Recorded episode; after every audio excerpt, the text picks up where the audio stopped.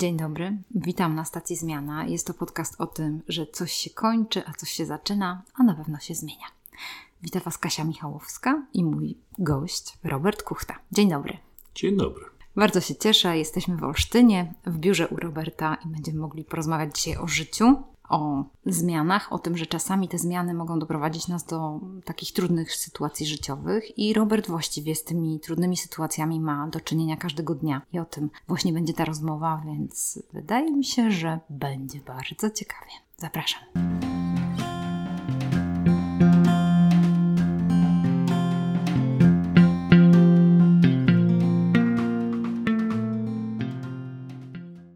Dobry, Robercie. Bardzo się cieszę, że możemy o tym porozmawiać. Co robisz? Gdzie się znajdujemy? Może ty powiesz nam, gdzie się znajdujemy? Znajdujemy się w schronisku dla bezdomnych ludzi w Olsztynie. Dokładnie. Przyszliśmy najpierw to miejsce, poznaliśmy mieszkańców tego miejsca. No i powiedz mi, czy w ogóle lubisz tą swoją pracę? Czy to jest coś, co ci daje frajdę? No chyba lubię, bo spędziłem tutaj 25 lat. W zasadzie to już idzie 26 rok. Jeżeli by się nie lubiło tej pracy, to nie da rady tak długo pracować. Ta praca chyba spowodowała, że też stałem się innym człowiekiem, bo nauczyła mnie pokory, cierpliwości, a przede wszystkim tego, że nic nie jest człowiekowi dane na zawsze. Nie mhm. jest nam dane mieszkanie, do końca życia dom, a przede wszystkim rodzinę, zdrowie. Mhm. Też bliskie więzi. No też. Tak. To muszę niestety przyznać, że w dzisiejszych czasach bardzo łatwo stać się osobą bezdomną. My sobie tutaj mówimy, że tylko jedna niezapłacona rata kredytu hipotecznego może spowodować, że trafimy właśnie tutaj do schroniska. Aczkolwiek trafienie tutaj to nie jest najgorsze. To nawet bym powiedział, że to dobrze, że taka osoba bezdomna trafia, bo jesteśmy w stanie tej osobie pomóc. Najgorzej tu jest, jeżeli osoba bezdomna przebywa na tej ulicy parę lat, albo nawet i paręnaście lat i nie chce porzucić takiego trybu życia. No bo tak naprawdę może nam wydaje się to dziwne, ale dla tych osób bezdomnych, którzy już liznęli tej ulicy, to tak naprawdę oni mają swoją strefę komfortu. Oni wiedzą, gdzie iść przenocować, gdzie iść zjeść, gdzie iść parę groszy wyrwać na wędkę, jak oni to mówią. Przychodzi taki Robert, który mówi im, żeby to wszystko porzucili. Oni boją się, bo to jest jakaś tam zmiana. Ja im tłumaczę, że to jest zmiana na lepsze, ale oni się boją, bo każda zmiana powoduje strach, i opór przed mhm. tą zmianą. Z tego, co mówisz, to, to mi się to kojarzy z tym, jak powiedziałaś na początku, że, że gdybym tego nie lubił, to bym tutaj nie był. A z drugiej strony mi się wydaje, że też y, dużo się uczysz. Ja jestem pełen pokory dla życia ludzkiego, bo przez te wiele lat widziałem, co się z takimi ludźmi dzieje. Widziałem tutaj śmierć, widziałem też narodziny. Nic nie jest mnie w stanie zdziwić już tutaj przychodzą ludzie z różnymi historiami, bo tak naprawdę no, nikt nie rodzi się osobą bezdomną. Gdzieś w pewnym momencie człowiek coś mu się nie udało, coś podjął jakieś złe kroki, które spowodowały właśnie, że trafiły tutaj do tego miejsca. Tu trzeba też jedną rzecz powiedzieć, którą ja odkryłem już po wielu latach, że dla osoby bezdomnej brak dachu nad głową to nie jest największy problem. Największy problem, no właśnie, jak myślisz, co może być? No, myślę może alkohol, uzależnienie, demony. Też, ale Aha. wydaje mi się właśnie... Wstyd może. Aha. Też, ale wydaje mi się, że chyba największy problem dla tych osób jest chęć właśnie do zmiany. Chęć zaufania innym ludziom, bo te wszystkie złe historie, które spowodowały, że trafiły właśnie w takie miejsce, gdzieś tam inni ludzie się do tego przyczynili. Ja to zawsze studentom powtarzam, taki wzór na bezdomność. Dzieje się coś złego w życiu człowieka. Głównie mężczyźni, chcąc poradzić sobie z tym, oni nie szukają rozwiązania, bardziej próbują ten smutek i ten problem zapić. Pierwszy raz się uda, drugi raz się uda, trzeci raz się też może udać, ale przy okazji może stracić pracę, traci może też y, żonę, traci w konsekwencji też miejsce do zamieszkania, trafia na ulicę, trafia tutaj do nas. Niestety, te nasze wybory, właśnie te uzależnienia, że one nie rozwiązują naszych problemów, tylko niestety dokładają tych problemów mm -hmm. i zmartwień. Mm -hmm. Kim jest osoba bezdomna? To zazwyczaj mówi się, że to jest mężczyzna, który trzasnął drzwiami. mężczyzna, bo rozumiem, że chyba więcej mężczyzn jest osobami bezdomnymi. To też jest ciekawe, dlaczego tak jest. Mężczyźni są zbyt dumni, bardziej zranieni, bardziej wstydliwi, nie? To prawda w ogóle, Robert, że tak, prawda, więcej bo mężczyzn... ja tak myślę, Aha. że akurat tutaj u mnie w statystykach jest, że 80% to mężczyźni, 20% to są kobiety. Jako mężczyzna muszę powiedzieć, że kobiety sobie lepiej radzą w życiu. A to dlatego, że kobiety właśnie starają się na swoje problemy rozwiązywać realnie. Mężczyźni, to co powiedziałem, zamiast rozwiązywać problemów, uciekają się w uzależnienia. Inna sprawa, że w dzisiejszych czasach i ku mojemu przerażeniu e, zauważam, że coraz więcej osób właśnie bezdomnych to są młodzi ludzie. Tu już nie alkohol jest przyczyną, ale niestety narkotyki. I to muszę z przykrością stwierdzić, że jest zbyt łatwy dostęp do narkotyków. Niestety widzę, że roczniki 2000 już u nas się pokazują, co, co to było jeszcze do niedawna nie do pomyślenia, a teraz niestety stwierdzam, że coraz więcej jest właśnie tych osób młodych. I to są młode osoby, dobrze wykształcone. Mamy też studentów, którzy trafiają poprzez uzależnienia przez narkotyki. Miałem takiego jednego chłopca, bo nie można inaczej powiedzieć, że to mężczyzna, bo miał tam 20 parę lat. Trafił, bo próbował uczyć się, potrzebował wsparcia, wspomagania poprzez narkotyki. No i niestety, może sesję zaliczył, ale życia niestety nie zaliczył. Nie zaliczył. W sensie takim, że nie było jakiejś rodziny wokół niego, która by mogła go jakoś przyjąć, czy... To niestety też jest taki duży problem, bo widzę wśród rodzin tych moich osób bezdomnych, zauważam taką jedną tendencję, że więzi w tych rodzinach są bardzo płytkie. Kiedyś były rodziny wielopokoleniowe. Było dziecko, była rodzi, rodzice, byli babcia, a y, dziadek może mieszkali wszyscy razem, jakoś się wspólnie y, wspierali. Teraz niestety przy jakimkolwiek problemie dziecka rodzice nie chcą mu pomagać, wręcz przeciwnie, nawet cieszą się, że sobie pójdzie z domu. Mam jednego chłopca, którego rodzice, no można powiedzieć, że wyrzucili z domu, bo brał narkotyki, wszystko wynosił z domu. Jego mama bardzo ciężko to przeżyła. Grzeczny w stosunku do tej mamy też nie był. No ojciec postanowił go, że go wyrzuci. Mało tego, daje mu nawet pieniądze co miesiąc, żeby się trzymał tylko z daleka od domu. To są takie historie, które pokazują, że nie szuka się może rozwiązania, a być może nawet nie chce się szukać, bo dzisiaj chce się łatwo żyć, mieć dużo pieniędzy i nie mieć problemów. I to chyba też właśnie w tych rodzinach u moich osób bezdomnych widać.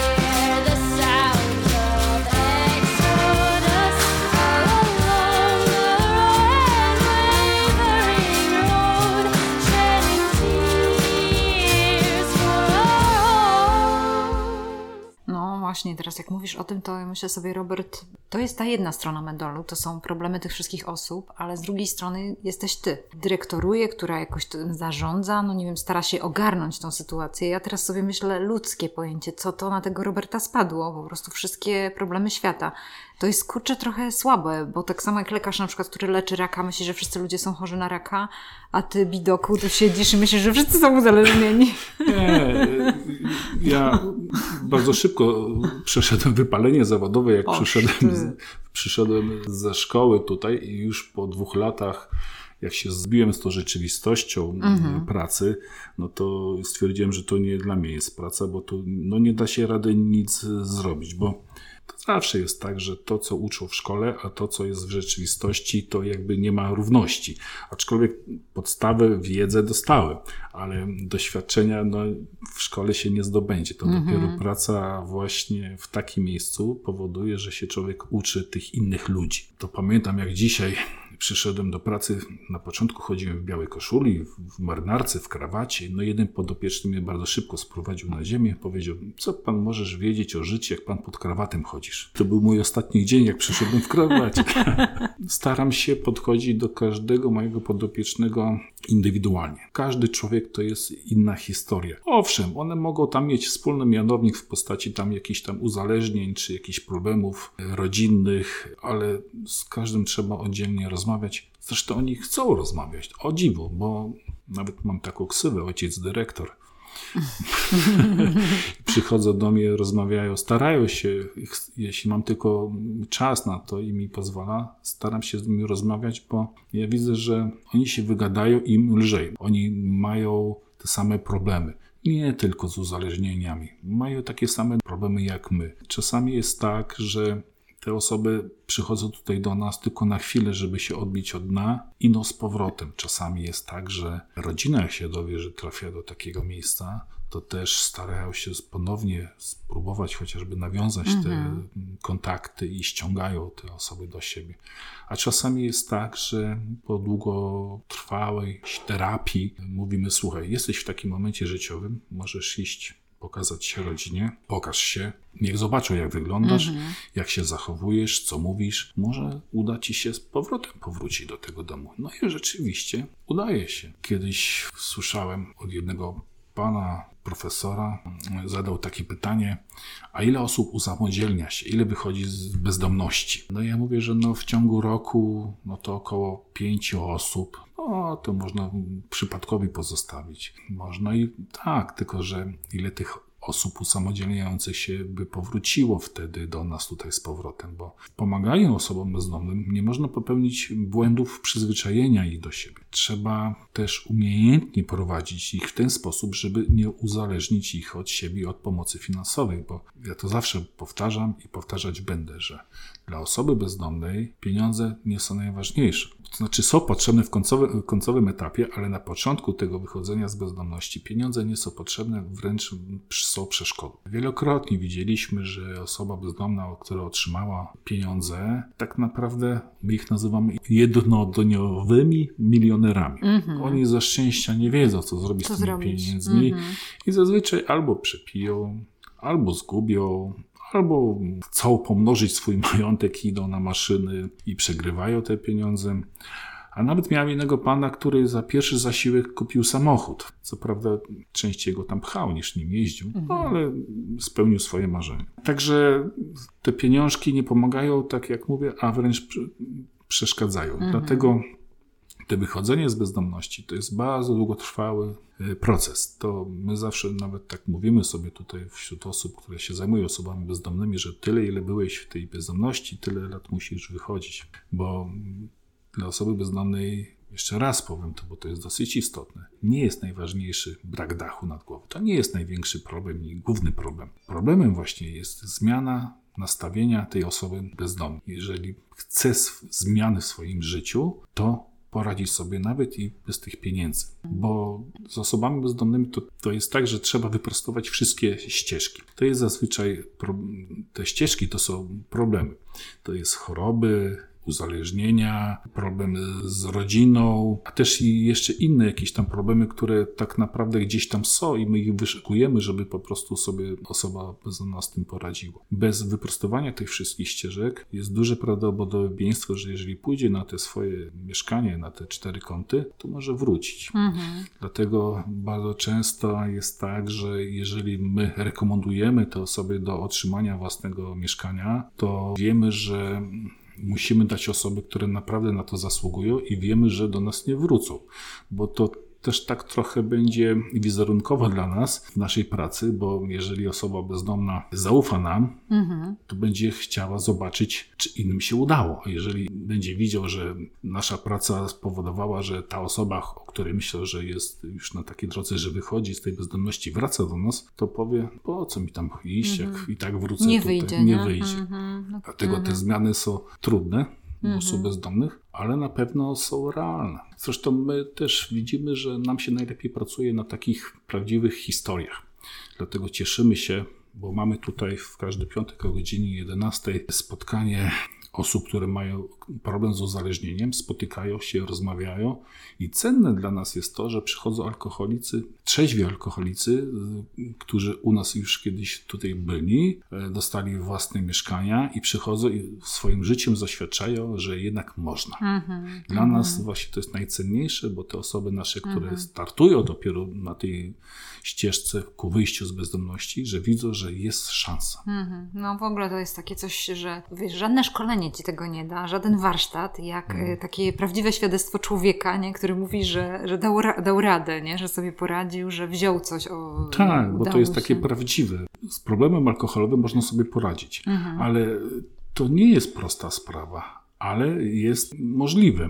Nie ma takiej cudownej tabletki, bo bardzo często moi podopieczni mówią, a po co ja mam iść na leczenie odwykowe, jak ja i tak będę znowu pić? Ja im zawsze tłumaczę, nie ma tabletki takiej, która spowoduje, że przestaniecie pić. Twoja tabletka to jest głowa. W głowie wszystko masz. Musisz nauczyć się jak sobie radzić właśnie z taką pokusą wypicia. Ja im zawsze tłumaczę też na takim obrazku, że jeżeli sobie z czymś nie radzisz, to jak reagujesz? No to zazwyczaj sobie strzelę setę i mi się lepiej radzi. No właśnie, musisz sobie znaleźć inne rozwiązanie. Jeżeli będziesz miał inne rozwiązanie, to nie sięgniesz po alkohol.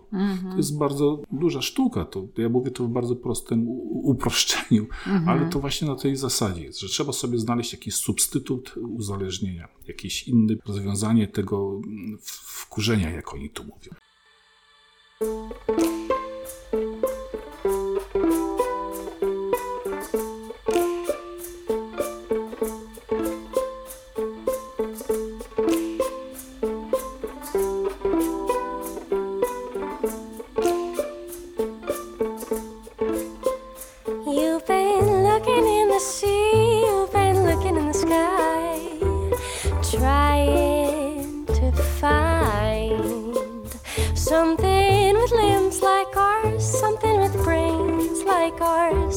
Something to guide us in our lives. Well, I'm telling you right here,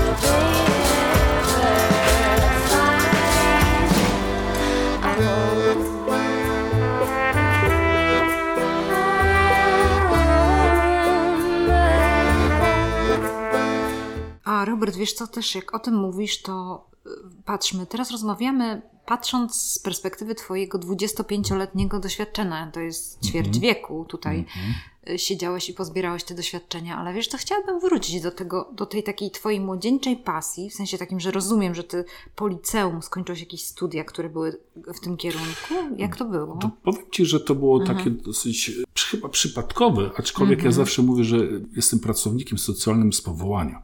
To moja poprzednia szefowa zawsze się ze mnie śmiała. Po maturze nie bardzo wiedziałem, co z sobą zrobić.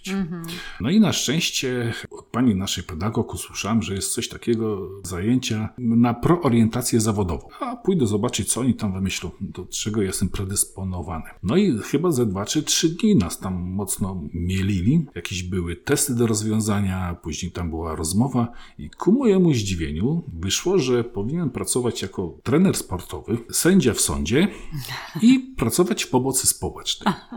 Bardzo się ucieszyłem, jak usłyszałem, że mam predyspozycję do trenera sportowego. Nawet myślałem o tym, żeby iść na studia na AWF. Startowałem do Gdańska, no ale wtedy to była, żeby się tam dostać, to był kosmos, bo tam, z tego co pamiętam, to było 20 parę osób na jedno miejsce. Tak. No i z przykrością muszę stwierdzić, że byli lepsi. na prawo nie, nie czułem jakoś powołania i było właśnie trzecie, że po, w pomocy społecznej. Tak naprawdę nie wiedziałem o co tutaj w ogóle chodzi, co to jest ta pomoc społeczna. Ku mojemu też zdziwieniu się okazało, że dwóch moich kolegów z technikum właśnie szło do szkoły policjalnej dla pracowników służb społecznych, tak się to nazywało. No i mówię, kurczę, no złożę, no jakieś dziwne to jest, w ogóle mi nic to nie mówi, ale poszedłem. Ku mojemu też zdziwieniu po rozmowie kwalifikacyjnej dostałem się. Ku mojemu zdziwieniu skończyłem z najlepszym wynikiem na roku to szkołę. Ku mojemu zdziwieniu pani dyrektor Miejskiego Ośrodka Pomocy Społecznej zaproponowała mi, widząc te moje dokonania w tej szkole, zaproponowała mi właśnie pracę w schronisku dla bezdomnych jako pracownik socjalny. 20 lat przepracowałem jako pracownik socjalny, a od 5 lat jako dyrektor. Czyli pani już poszła na emeryturę, rozumiem tutaj Tak, dyrektor tak, i tak. A, a ja przejąłem stery. Także trochę przypadku, trochę chyba jednak rzeczywiście gdzieś testy na preorientację zawodową wyciągnęły to, co, do czego jestem predysponowany. I tak sobie po tym czasie, 25 latach, myślę, że chyba coś w tym musi być, bo żaden normalny człowiek tyle lat by nie wytrzymał. A to prawda, to się zgadza. W takim no, miejscu, bo dokładnie. to jest Mhm. trudna praca. Ja to zawsze powtarzam, że praca z człowiekiem jest trudna, a Mhm. praca z człowiekiem w jakiś sposób w życiu im nie wyszło, to właśnie jest jeszcze gorsza praca, bo to Mhm. trzeba zachować spokój, trzeba zachować dystans i do tego człowieka, i do siebie, bo ja tu zawsze moim pracownikom mówię, że nie możecie żyć problemami swoich podopiecznych, bo bardzo szybko wypalicie się. Mhm. Dlatego ja mówię, słuchajcie, wychodzicie z pracy, zamykacie drzwi i zamykacie w głowie pracę, bo inaczej nie dacie rady. Zresztą łatwo to mówić, bo ja też na początku popełniałem takie błędy, bo sam żyłem tymi moimi podopiecznymi. Zresztą pamiętam jedną taką historię. Te najgorsze historie to są właśnie w okresach jesienno-zimowych, gdzie jest niska temperatura. Człowiek boi się o tych bezdomnych, którzy mieszkają gdzieś tam w, w koczowiskach, jak my to mówimy. Miałem takich panów, którzy siedzieli sobie w takiej przybudówce drewnianej przy garażach. Zapowiadano bardzo niskie temperatury. One miały tam dojść do minus tam 30. No i pojechałem do nich, mówię, słuchajcie, zostawcie to wszystko, przyjdźcie do noclegowni chociaż na chwilę, żebyście nie zamarzli, bo będę miał później wyrzuty sumienia do końca życia. Nie, nigdzie nie pójdziemy. A, no i nie udało mi się ich namówić. Pojechałem do domu. Całą noc nie spałem, bo myślałem, Boże, zamarzną, będzie afera, znowu będzie, bo media bardzo lubią. Gdzie był pracownik socjalny? Jak zamarzną, to dopiero będzie afera. Z samego rana, jak tylko się obudziłem, zresztą nawet nie mogłem spać, to się nie mogłem obudzić. Poleciałem tam do nich przed pracą, patrzę, oni się świetnie bawią przy flaszce. Także ja tu się całą noc Nie mordowałem, nie przespałem, tak. a oni się świetnie bawili. Na szczęście byli tacy mili, że zaproponowali mi jedną szklanicę ich trunku. Tak po pewnym czasie stwierdziłem, że no właśnie nie można żyć tymi ludźmi, bo to się szybko można wypalić, a poza tym można byłoby też przenieść niestety też to do domu, bo to bardzo łatwo. To wszystko, co tutaj się dzieje złego, to niestety można przenieść do domu na życie rodzinne. Ten strach, lęk, złość czasami. To też muszę powiedzieć o jednej rzeczy, że mm, po pewnym czasie stwierdziłem właśnie, że tylko jedną pracą nie można żyć, no i sobie tam szukałem innych zajęć. Też pracowałem przez 12 lat jako kurator społeczny przy Sądzie Rejonowym w Olsztynie. Pracowałem też w zasadzie, w zasadzie cały czas pracuję, prowadzę z koleżanką programy korekcyjno-edukacyjne dla osób stosujących przemoc domową. To się tak nazywa, bo zauważyłem, że bardzo dużo właśnie tutaj osób bezdomnych do mnie trafia z zakładów karnych po wyrokach za przemoc. Tak. No co stwierdziłem, że żeby pomóc tym ludziom, to trzeba ten problem zgłębić. Skończyłem studium na niebieskiej linii w Warszawie, no i właśnie tak później powstał taki pomysł, żeby właśnie prowadzić program dla tych osób stosujących przemoc domową. Cieszę się, że mogę tam pracować, bo to jest taka trochę odskocznia, aczkolwiek problemy są te same. Zauważam jedną rzecz, że za szybko się młodzi decydują na wiązanie się węzłem małżeńskim. Kiedyś to było chodzenie ze sobą, poznawanie się. Człowiek był w stanie poznać swojego par- partnera, swoją partnerkę. A teraz to dosyć tak szybko. W piątek się oświadcza, w niedzielę się pobierają, a za miesiąc się rozwodzą. Jak się rozwodzą, to jeszcze pół biedy. No, ale w międzyczasie może tam dojść do problemów. No a niestety te problemy najczęściej w małżeństwach, to wszystko jest na podstawie tego, co widzę na tych, w tych programach korekcyjno-edukacyjnych. Nie są rozwiązywane poprzez rozmowę, ale niestety przez przemoc. Co tu daleko szukać? Proszę zobaczyć, jak dużo, pewnie nie wiecie, ale najwięcej mieliśmy osób właśnie, m, które do nas się zgłosiły po pandemii. No wtedy się okazało, że małżeństwa nie potrafią ze sobą rozmawiać i z sobą przebywać. No bo e, człowiek idzie do pracy, później przychodzi do domu, zje obiad, tak naprawdę zaraz idzie się spać i się z sobą nie przebywa. A tutaj nagle się okazało, że trzeba te 24 godziny ze sobą przebywać i niestety dochodziło do Rękoczynów, rękoczynów. rozumiem, tak? no. Mhm. Przemocy. Tak, dokładnie. I właśnie to było takie ciekawe i zaskakujące. No i właśnie wtedy zauważyliśmy, że młodzi wiążą się, ale tak naprawdę chyba tylko dlatego, żeby się związać, a nie dlatego, że coś ich tam łączy, coś mają wspólnego. To niestety powodowało właśnie, że mieliśmy wysyp właśnie osób, które miały problemy z tym. Żyjemy w takich czasach, że jakoś tam jest też scharakteryzowane w jakichś naukowych badaniach. Problem z bliskością, budowaniem bliskości, tej takiej realnej bliskości. I tak jak mówisz, to tak wygląda, że często to są takie związki, które są wyidealizowane, wymyślone. Często social media to też jeszcze wspomagają. Drewno, do którego się dorzuca i po prostu nie ma czegoś takiego jak budowanie bliskości. Stąd, jak mówisz, zaburzenie to też są te zaburzenia bliskich więzi rodzinnych, które są tutaj, nie wspomagają waszej pracy w kontekście osób z bezdomnością, no nie mówiąc już o osobach też, które są na przykład no, agresywne, czy nie wiem jak to, jak to tam nazywasz u siebie, no, które się dopuszczają przemocy, nie? Masz rację, te media wcale nam nie powinny nam pomagać. One wcale nie pomagają nam w bliskości w związku, bo ja to lubię sobie obserwować. Pewnie też widziałeś w restauracjach, młodzi siadają, to pierwsze co robią, to wyciągają komórkę i kładą przy, so, przy sobie. Po co w restauracji ta komórka ma żyć na stole? No nie wiem. A mało tego, nawet siedzą młodzi naprzeciwko siebie, no widać, że randka, no i jedno i drugie trzyma telefon w ręku. No to przyszli z, dla siebie, czy dla tych mediów? To chyba to, co na początku powiedziałem, że nie ma tej bliskości. Nie ma tego poczucia bliskości. Inna sprawa, że te media też nam nie pomagają wcale. Szczególnie w zimę. Ja to mam też mam ksywę pogodynka, no bo moi znajomi mi mówią, że jak mnie zobaczą albo słyszą w mediach, to należy zmienić opony na zimowe.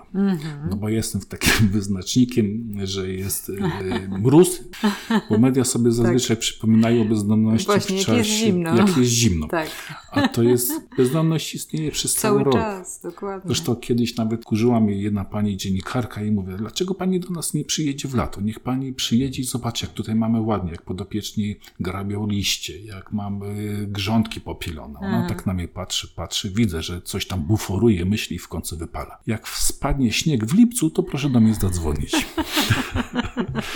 To No tak tak, jest, że zła informacja to jest dobra informacja. No. Też to rozumiem, aczkolwiek w mojej pracy jest to przeszkadzające, bo my nie możemy się wtedy skupić w zimę na pracy, tylko musimy z mediami cały czas rozmawiać, jeździć. Męczące. Ale słuchaj, Robert, wiesz co, ty wspomniałeś o tym, że przeżyłeś coś takiego jak wypalenie zawodowe i wydaje mi się, że możesz mieć trochę obcykany ten temat i może dla naszych słuchaczy to by było takie cenne, taka wartość dodana. Czy w ogóle, jak teraz patrzysz na siebie, na to, co się wydarzyło w kontekście tego wypalenia, czy to było jakoś, to, czy to się jakoś objawia, czy mógłbyś jakoś to nazwać? Jak, jak się dzieje takie, takie palenie zawodowe? Wypalenie to u każdego inaczej działa. E, U mnie to zadziałało w ten sposób, że rozgnałem się za inną pracą, bo stwierdziłem, że pomimo tego, że lubię tą pracę, Tak. lubię tych moich podopiecznych, lubię tych ludzi, ale stwierdziłem, że po prostu no, nie da rady, bo no właśnie tam miałem swoje problemy typu, że nic mi nie wychodzi, bo za bardzo chciałem. Później już wiedziałem, że ta praca z człowiekiem to nie jest praca taka, że dzisiaj zrobię i jutro mi się uda. To jest wieloletni proces. I ja chyba za bardzo, za szybko chciałem. A poza tym też od nas wymagano rzeczy niemożliwych. No bo no tak to jest, jeżeli osoby, które nie znają się na tej pracy, a każą nam robić rzeczy, które w ogóle no nie da się, no bo te sławetne statystyki, które mówią o tym, że trzeba w swojej pracy wykonać tyle i tyle. Dla osób, które się nie znają, a każą nam usamodzielnić ileś tam osób, no to przecież to jest niemożliwe. No, osoba bezdomna, jeżeli przejdzie ten cały proces wychodzenia z bezdomności, no to nie kupi mieszkania z własnych tam pieniędzy. No, my możemy się posiłkować tylko poprzez na przykład stacje albo mieszkania komunalne, co tam parę sztuk dostajemy w ciągu roku, ale to nie są takie spektakularne wyjścia z bezdomności, że ktoś kupuje z własnych pieniążków mieszkania. Zresztą teraz nawet młodych nie stać na to, żeby ktoś mógł sobie kupić mieszkanie z własnej kieszeni. Zazwyczaj to jest kredyt. Dlatego ten naciskanie na wyrobienie jakichś tam statystyk,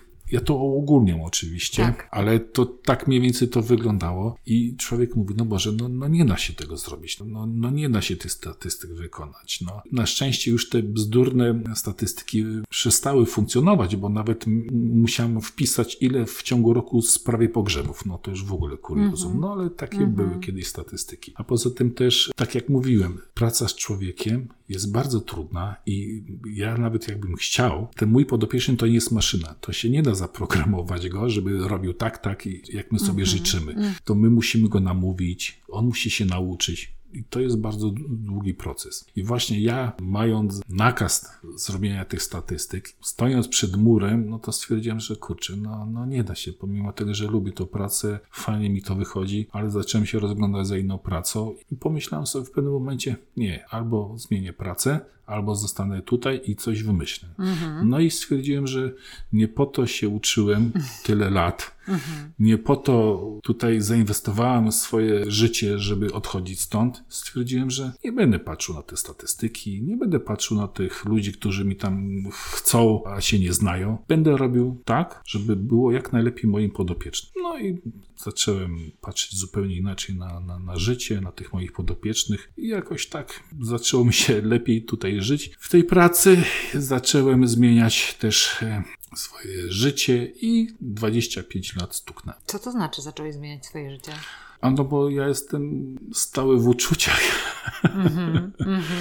Nie wiem, czy mogę powiedzieć, ale z pierwszą żoną rozwiodłem się po 20 latach. Z pracy teraz tutaj odchodzę po 25 latach. Czy jesteś E, długodystansowiec? Długodystansowiec Tak, jestem, to- ale wszystko jest bardzo przemyślane i wszystko jest tak zrobione, żeby było lepiej, a nie gorzej. Teraz niestety, niestety albo stety, udało mi się wygrać konkurs na inne stanowisko w innym miejscu i się zastanawiałem, czy iść, czy zostawić te moje dziecko tutaj schronisko i noclegownię, ale stwierdziłem, że to jest chyba ostatni moment, gdzie mogę coś zmienić w życiu. Boję się zmian, no bo każda zmiana niesie za sobą jakiś tam strach, no bo nie wiemy, co nas tam spotka. Ale podjąłem decyzję, że po 25 latach chyba trzeba coś zmienić. Jeszcze dodatkowo zmieniłem żonę, zmieniam pracę. Wszystko na... Jestem ciekawa, jak twoje serce to wytrzyma. Dużo zmian. U mnie te zmiany są przemyślane bardzo dogłębnie. No bo... tak, jeżeli się jest długodystansowcem, Robert, to przemyśliwujesz zmiany. Tak, no, dlatego tak niestety. długo, długo idę tymi drogami swoimi, wyznaczonymi w jakimś tam etapie swojego życia.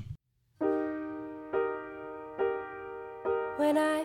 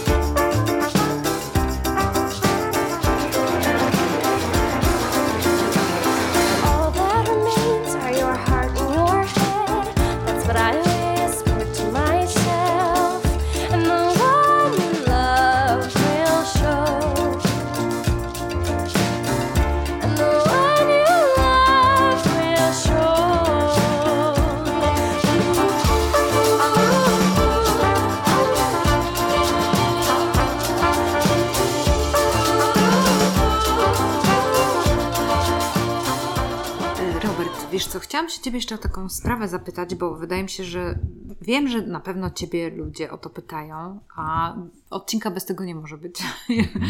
w kontekście tego, jak ja, na przykład, nie będąc w takiej sytuacji jak Ty, nie znając takich potrzeb tych ludzi i jak na przykład pomagać takiej osobie, jak może pomóc taka osoba jak ja, jak ktoś, kto słucha naszego podcastu, osobie bezdomnej, która się do niego zwraca o pieniądze, o jedzenie? Czy to zasada jest taka, nie wiem, że zawsze kupować jedzenie, a nie kupować alkoholu, nie dawać pieniędzy?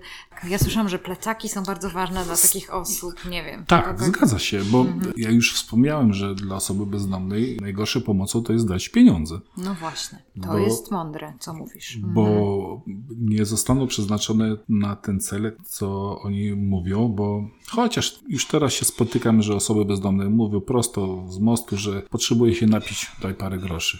Ale to jest jakby utrzymywanie ich w problemie alkoholowym i to nie jest dobre. Osobiście uważam, że najlepiej pomagać poprzez wspieranie miejsc, gdzie się osobom bezdomnym pomaga No właśnie. bo oni wiedzą, co im najbardziej jest potrzeba. Bo proszę zauważyć jedną rzecz. Czy słyszeliście, czy ty słyszałaś o osobie bezdomnej, która umarła z głodu w Polsce? No nie.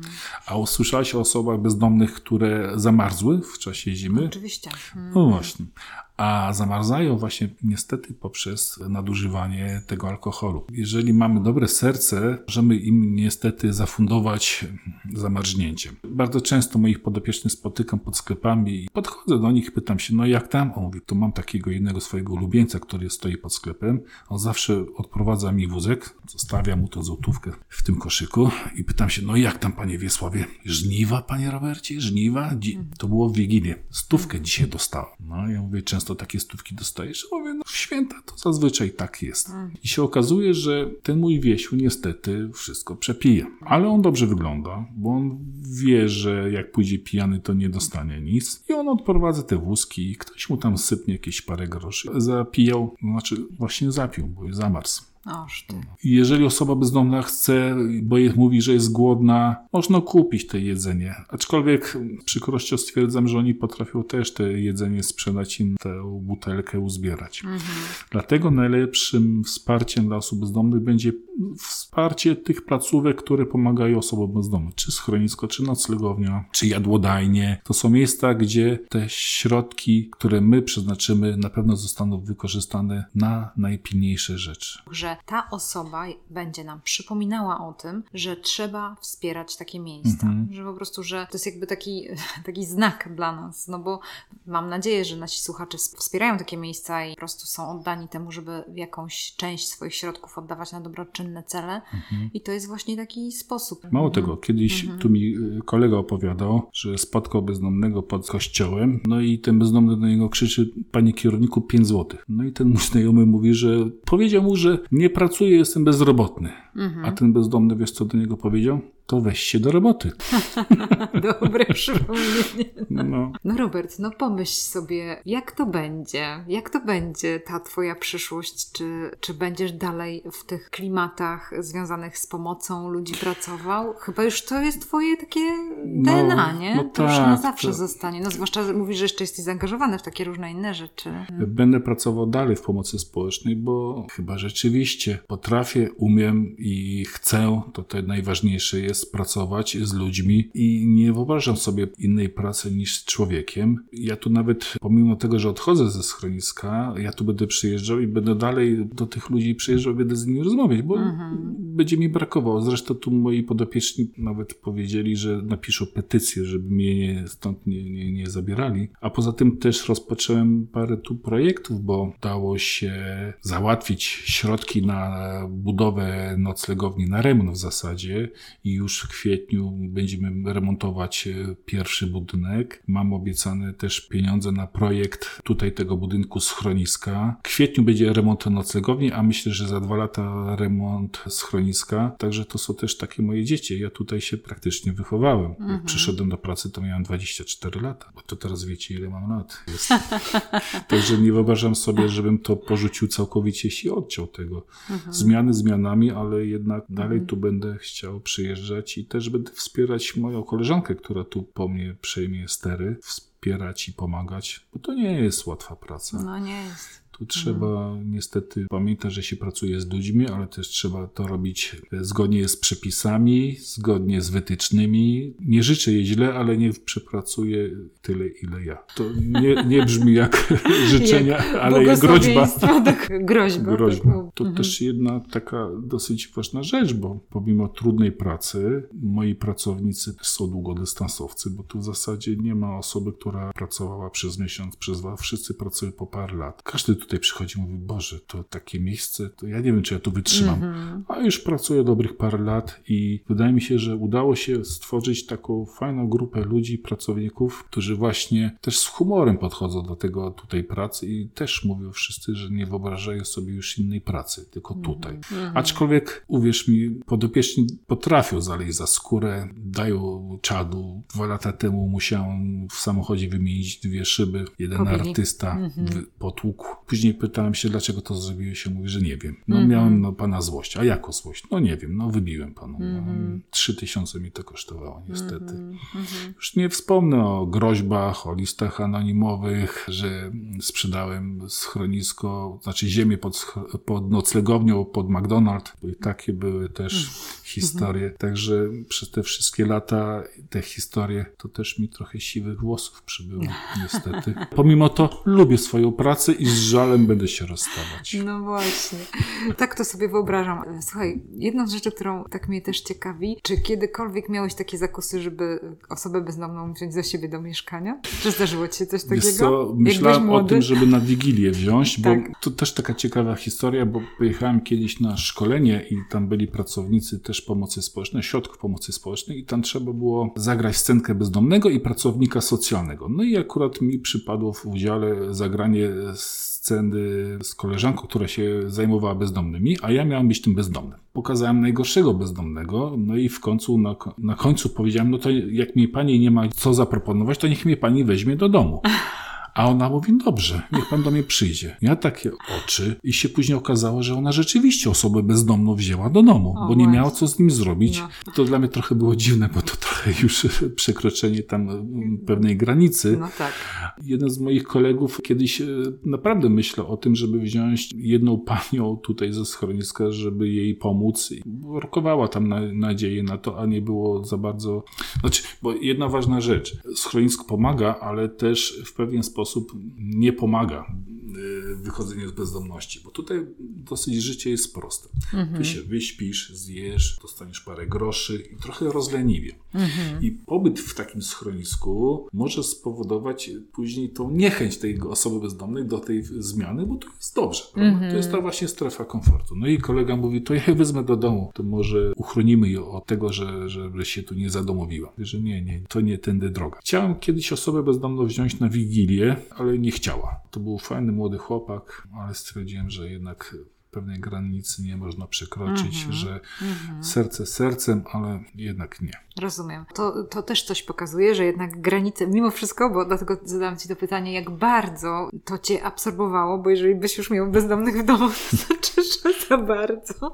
Aczkolwiek z moimi bezdomniakami, bo ja ich tak pieszczotliwie na, nazywam, to też takie mam ciekawe historie, bo czasami jak idę tam ze znajomymi i wyłania się taki jakiś tam ławeczki czy ze śmietnika i mówi dzień dobry panie Robercie, to wszyscy mają ubaw, no, oprócz mnie. Bo ja od razu patrzę, czy on jest trzeźwy, czy nie trzeźwy, prawda? I czy mu pomóc, czy nie pomóc. Te granice trzeba pilnować, bo to nie jest dobre. To tak jak mówię, praca pra, to jest praca, a życie prywatne to jest życie prywatne i nie można tutaj tego mieszać, bo można popsuć to. A teraz, Robert, jak patrzysz te 25 lat, to wiem, że nie lubisz statystyk, ale czy masz jakieś statystyki? Ile mniej więcej lat potrzeba, żeby y, kogoś wyprowadzić te wszystkie ścieżki, tak jak powiedziałeś, na prostą? O wiele łatwiej się pracuje właśnie z osobami bezdomnymi, którzy mniej liznęli tej bezdomności, które niedawno trafiły na, na ulicę. O wiele łatwiej się z nimi pracuje, bo szybciej można im to zaszczepić, to chęć do tej wyjścia, bo tak jak mówiłem, im dłużej będzie, to on będzie się bardziej przyzwyczajać i dłużej będzie trwalać tą bezdomność poprzez właśnie chociażby te uzależnienia. Mhm. A wśród osób bezdomnych niestety jest to bardzo duży odsetek i niestety jeszcze mówiłem te narkotyki, także tutaj jest bardzo duży też problem. I jeszcze jedna najważniejsza rzecz, jeszcze widzę jedną w tych moich statystykach coraz częściej pojawiają się zaburzenia psychiczne. Mhm.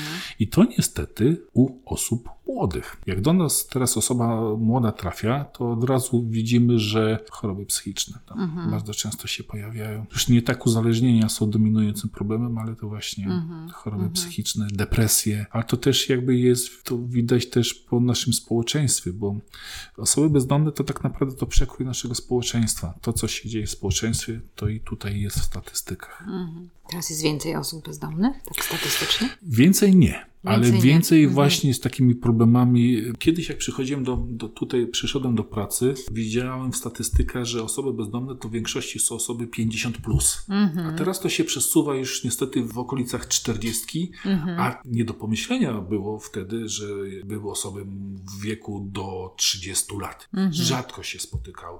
A teraz niestety coraz częściej, zresztą nawet już to nas nie dziwi. I nie dziwi nas też to, że coraz więcej osób bezdomnych jest z wyższym wykształceniem. Ale to tu już mu, to, co mówiłem, choroby psychiczne i narkotyki. Już mniej alkohol. No chciałabym jakoś tak zakończyć, wiesz, pozytywnie tą naszą rozmowę. Na pewno pozytywne jest to, że, że umiecie to robić. Że po prostu, że, że jest w ogóle jakaś pomoc, bo wiesz, jeszcze lata nie wiem, naszych rodziców, to, to był taki temat, który w ogóle by nie istniał. To nie, był nie temat tabu No, tak naprawdę, bo o dokładnie. tym się nie mówiło. Tak. Mało tego, to był temat wstydliwy dla, dla naszej władzy, bo no jak to w No takim jak? dobry, dobrobycie, Właśnie, w Ameryce tam są tylko ci bezdomni. nie? Tak, Czy i ta bezdomność to była tak naprawdę ukryta, Tak. ale ona istniała. Mhm. Dopiero w 89 roku schronisko tutaj powstało.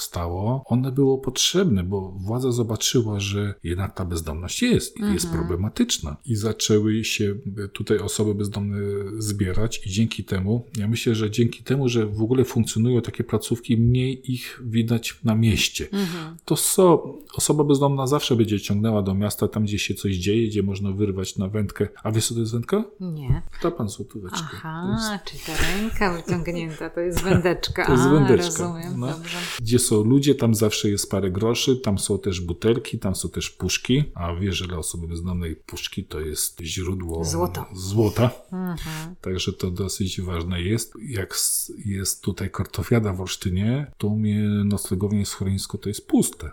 Mhm. Bo wszyscy lecą, bo tam się coś dzieje. Puszki, butelki, Mhm. to mają wtedy żniwa. Żniwa finansowe, Finansowe. rozumiem, okej. Mhm. Mhm. Dlatego wrócę do tego Twojego pytania. Bezdomność zawsze istniała, aczkolwiek ona się różnie nazywała. Mhm. Bo kiedyś e, na osoby bezdomne mówili żebracy, żebractwo, Tak. tuptusie, prawda? A teraz już mówi się, teraz już też to nazewnictwo się zmieniło. Już teraz mówimy nie osoby bezdomne, tylko osoby w kryzysie bezdomności. Mhm. Chyba trochę lepiej politycznie brzmi niż Mhm. osoba bezdomna. I właśnie to mi się tak kojarzy, że te 25 lat, to też ty przeszedłeś tyle mega szkoleń różnych i podejścia do tego, jak pomagać pewnie osobom bezdomnym, pewnie miliony teorii i, i tutaj to Mm. też się tak bardzo zmieniło przez te 25 lat. Dużo pewnie z innych krajów też, pewnie różnych doświadczeń. Często do nas trafiają teraz osoby właśnie spoza naszego kraju, bo jak otwarto granice, to też i ten napływ tutaj osób bezdomnych z zagranicy jest większy. Jeszcze mamy ten problem, że jesteśmy tutaj mm, woje- województwem przygranicznym, to bardzo często mamy osoby, na przykład mam, mieliśmy w ostatnim czasie pana z Niemiec, który chciał przekroczyć nielegalnie granicę polsko-rosyjską, tam gdzieś w, w Kaliningradzie, to mieliśmy też e, francuskę, która tutaj też postanowiła przyjechać. Mieliśmy też e, Włocha o osobach z Ukrainy i tutaj z bloku wschodniego to nawet nie wspomnę, bo dosyć e, często regularnie do nas trafiają. Miałem nawet pana ze Stanów Zjednoczonych, także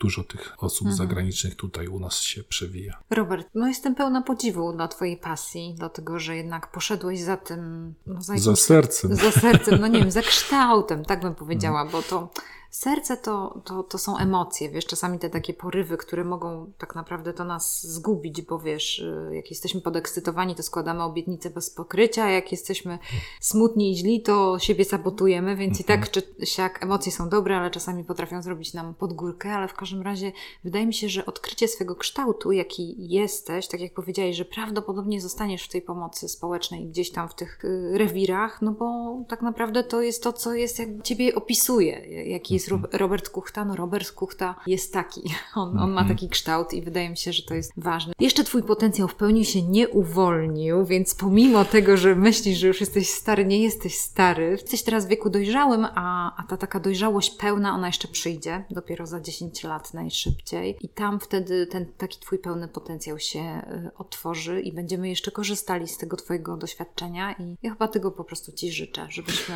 Dziękuję. No, mam nadzieję, że to, co powiedziałem, to jest dla Ciebie i dla Twoich słuchaczy ciekawe, bo ja nie wiem, czy kogoś to będzie interesowało. bo To jest mało interesujące. No, życie osób bezdomnych i moje, to nie uważam, żeby było coś w tym ciekawego. Historie moich podopiecznych to dopiero są historie. Ja to nawet kiedyś myślałem o tym, żeby książkę napisać. Chyba nie, bo to jest zbyt sprawa intymna tych ludzi, tych osób, a proszę mi uwierzyć, mają historię tak niesamowite, że to po prostu ludzkie pojęcie przychodzi, że to nawet dobry scenarzysta by nie napisał historii niektórych osób. Może kiedyś napiszesz, ale anonimowo, nie trzeba tam pisać nazwiz- nazwiskami, nie? Ale historie same, mm, no. to... No to może czekamy, kto wie, może właśnie kiedy będziesz miał więcej czasu, to może kiedyś... Na emeryturze, jak dożyję. Dokładnie, dożyjesz. Teraz dożyjesz. Dziękuję Ci bardzo za rozmowę. Dziękuję.